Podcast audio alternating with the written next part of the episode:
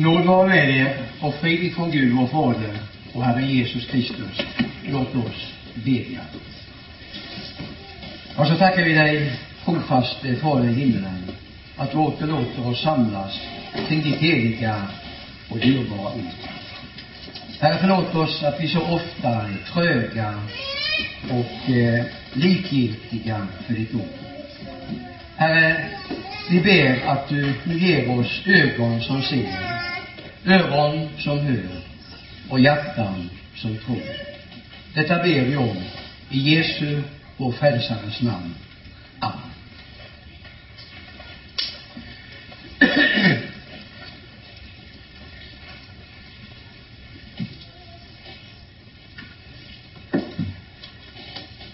Den text som jag hade tänkt att vi skulle stanna inför denna söndag, det är den tredje årgångens födelsetext. Den är hämtad ifrån Johannes evangeliets tolfte kapitel med början på vers 34.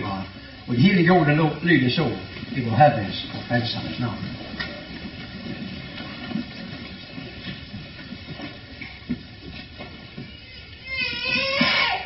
Då sa folket till honom, vi har hört i lagen att Messias ska stanna kvar för alltid.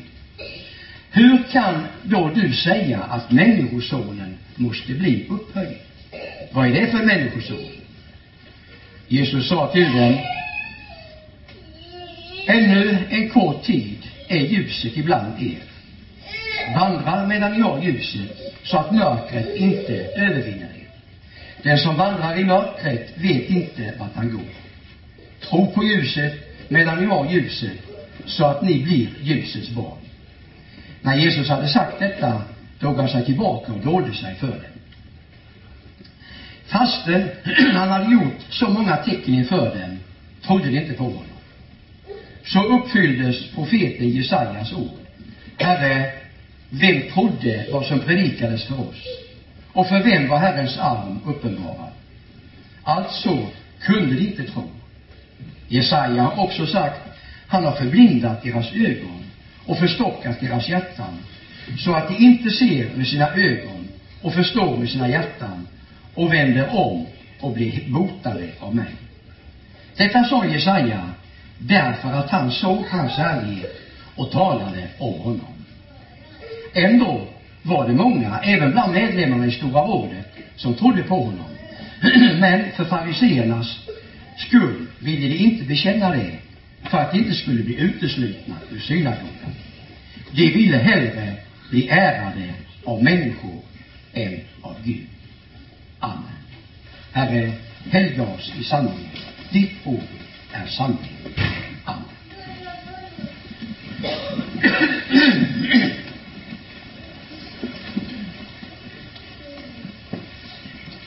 Ja, den här eh, berättelsen, den tilldrar sig under den vecka som ska bli så oerhört dramatisk.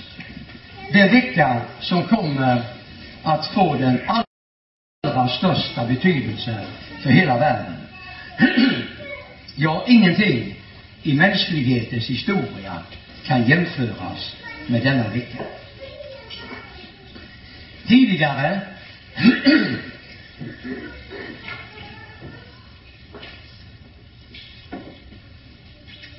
Tidigare i detta kapitel så har vi kunnat läsa om hur Jesus har rivit in i Jerusalem. Han har fått ett fantastiskt mottagande. Folkmassan har tagit, tagit emot honom som en kung. Och man hade skanderat Hosianna, välsignade han som kommer i Herrens namn, han som är Israels konung. Men vi vet ju att snart så ska man ropa något annat. Bara om några dagar så ska man ropa korsfäst, korsfäst. Ja, vi människor, vi är väldigt ombytliga. Vi växlar snabbt från den ena sidan till den andra. Ena dagen kan vi hylla någon. Och nästa dag så ropar vi kosmiskt. När eh, favoritlaget i ishockey spelar bra och vinner sina matcher, ja då får det motta folkets jubel. Och stämningen är väldigt uppåt.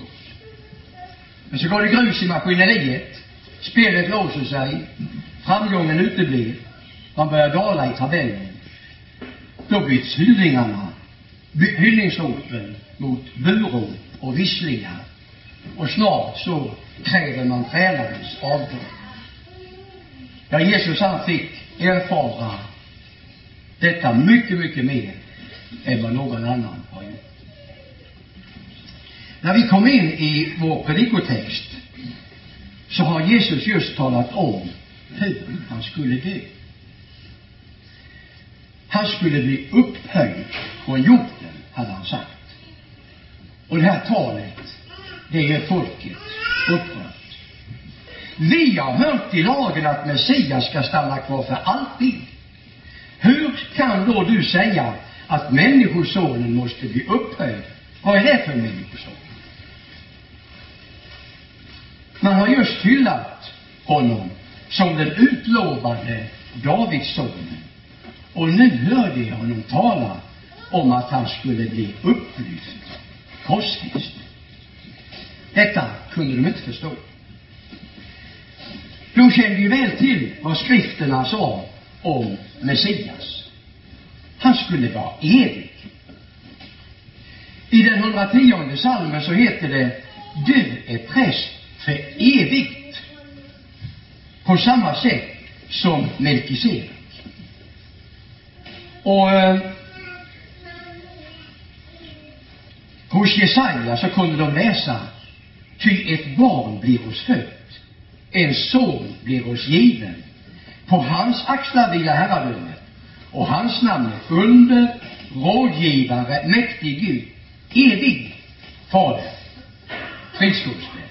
Så ska herradömet bli stort och friden utan slut över Davids tron och hans kungarike. Det ska befästas och stödjas med rätt och rättfärdighet från nu och till evig tid. Och eh, ni kommer säkert ihåg Daniels syn. Där heter det om Människosonen åt honom gavs makt och ära och rike och alla folk och stammar och språk måste tjäna honom. Hans välde är ett evigt välde som inte ska ta slut och hans rike ska inte förstöras. Så står det i Daniel 7.14. Ja, tyvärr så väntade ju många av folket på en jordisk Messias.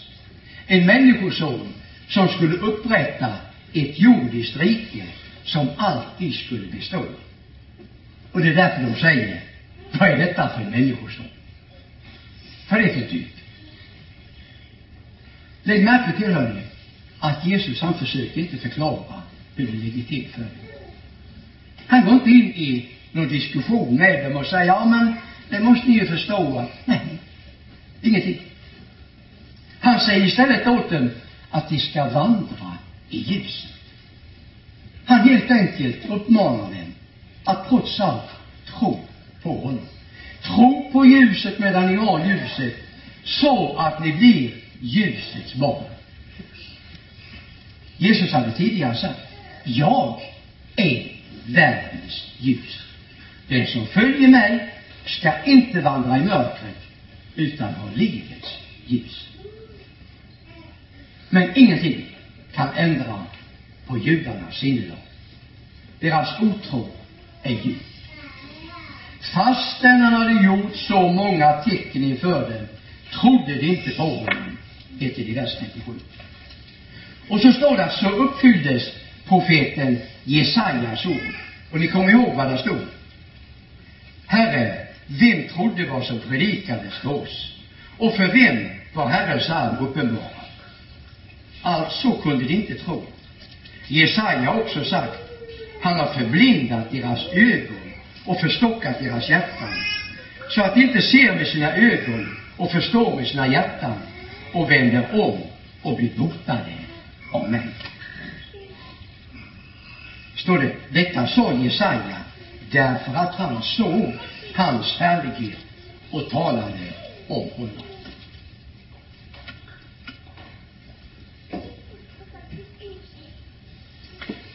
Ja, hörni, visst är det märkligt med Jesaja.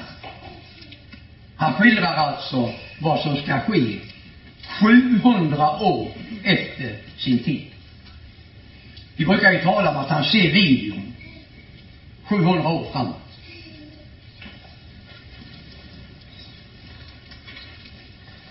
För vem var Herrens arm uppenbar?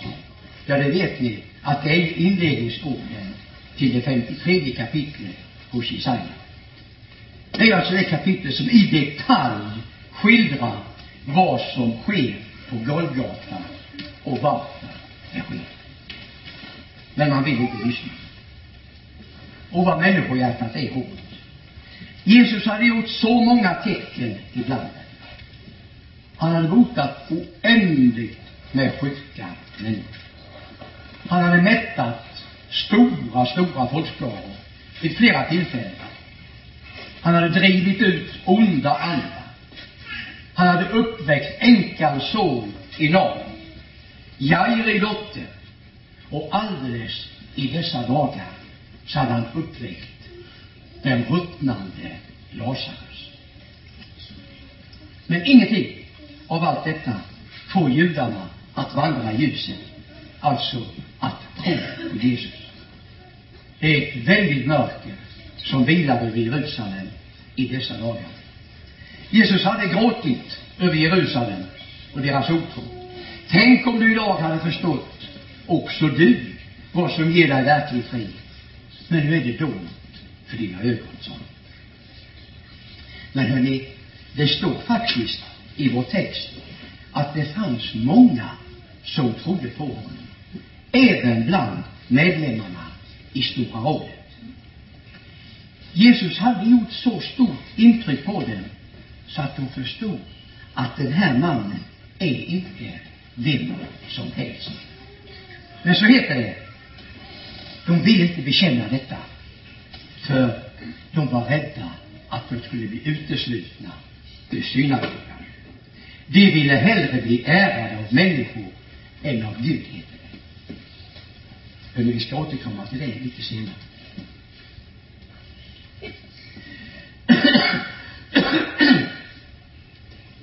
Vår text, det handlar om händelser i början på vad vi numera kallar den stilla veckan. Några dagar efter detta så ska det stå tre kors på Golgata. Och någon har sagt att när vi ser de korsen, då ser vi frälsningshistorien för människosläktet i ett nötskal. De tre korsen. Det mellersta korset, det vet vi, det är det viktigaste. Det är frälsningens kors. Men, hörni, de andra två korsen har också mycket att säga oss. Om det mellersta korset berättas för oss vad Gud har gjort för att frälsa oss, så berättar de andra korsen om hur människan svarar på Guds frälsningserbjudande. De andra två korsen berättar för oss om hur människorna svarar på Guds frälsningserbjudande. Enligt Bibeln så led och dog Jesus för alla människors synder på sitt kors. Det är Bibelns klara och tydliga lära. Men hörni, bara en av rövarna tror detta och blir frälst. Den andra rövaren, han tror inte. Han dör utan tro på Jesus. Så kan man säga att Jesu kors, det delar människosläktet i två grupper. De som tror och det som inte tror.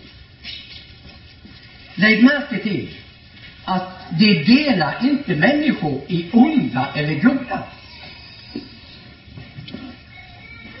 Nej, de delar de onda rövarna i två grupper. Rövare som tror, rövare som inte tror. Det var ingen skillnad på de här rövarna.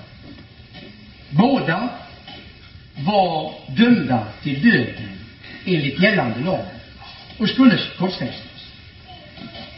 Båda två rövarna var lika nära Jesus i sina sista timmar. Båda två hörde och såg samma saker och båda behövde precis samma liv. Ändå så var det bara den ene som ångrade sig och vände sig till Jesus. Det var bara en som sa Jesus, tänk på mig när du kommer till tanken. Det var bara en som fick höra det ljuvliga evangeliet, avlösningen. Sannerligen, idag ska du vara med mig i paradiset. Varför blev det så? Hör ni? Det förblir Guds hemlighet.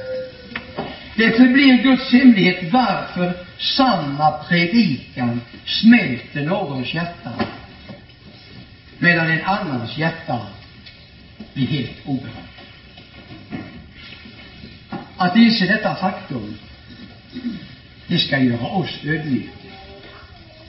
För vi förstår att tron, den är inte vår förtjänst, utan det är Guds under. Och kunde precis lika väl utebli för din och min del.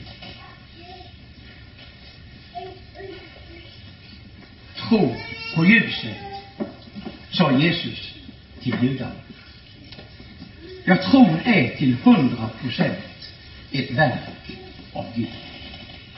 Luther sammanfattar det på ett så utomordentligt sätt i vår katekes.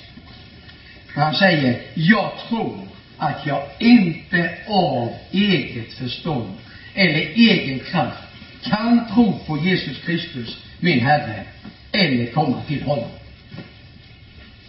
Alltså ännu kortare uttryckt, jag tror att jag inte kan tro. Jag tror att jag inte kan tro. Före omvändelsen så är människan andligt död. Vi vet ju att en kroppsligt död människa kan inte ge sig själv liv igen. Hon kan inte uppväcka sig själv. Lazarus kunde inte bestämma sig för att börja leva igen. Och på samma sätt så är det med den andliga döden. Och därför så fortsätter Luther här.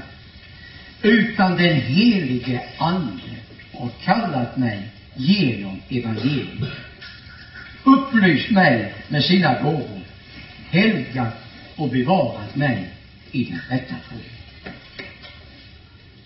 Den helige Ande kallar genom evangeliet. Den helige Ande omvänder genom evangelium människan. Omvändelse, ja det är som vi vet, det är ånger och tro. Ånger över synden och tro på Jesus. Övertygelsen om syndernas förlåtelse för hans skull. Och detta är den helige Andes verk.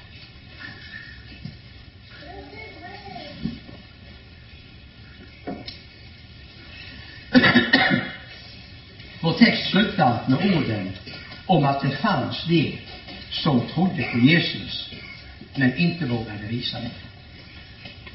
De kände människor.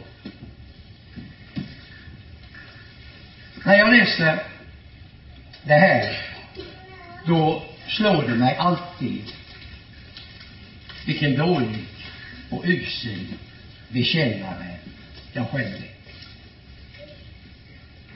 Det är eh, ingen konst att vara stor bekännare när man står här i predikstolen. Och det kräver inget mod att vara en bekännare när vi är samlade i kristna kretsar. När vi samlas inom våra kyrkväggar, ja då kan till och med jag vara mycket frimodig och en stor bekännare. Men hur är det i vanliga fall? Hur frimodigt uppträder jag utanför kyrkporten?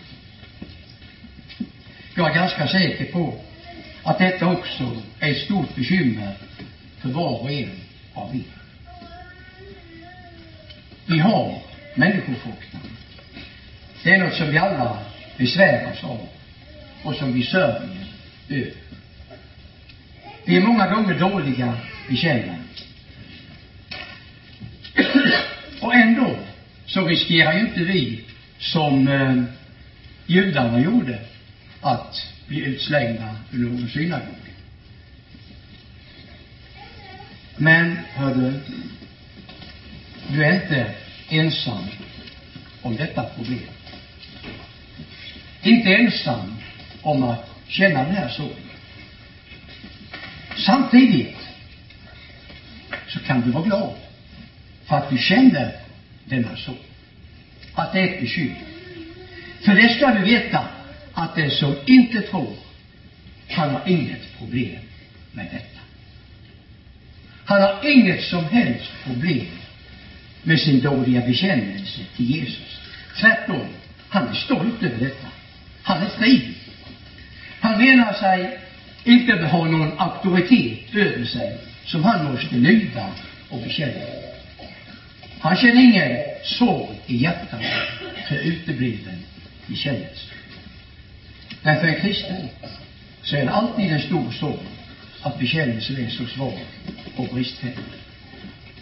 Alla önskar vi en förändring. Vi ber till Gud om förlåtelse och om ny kraft till frimodighet.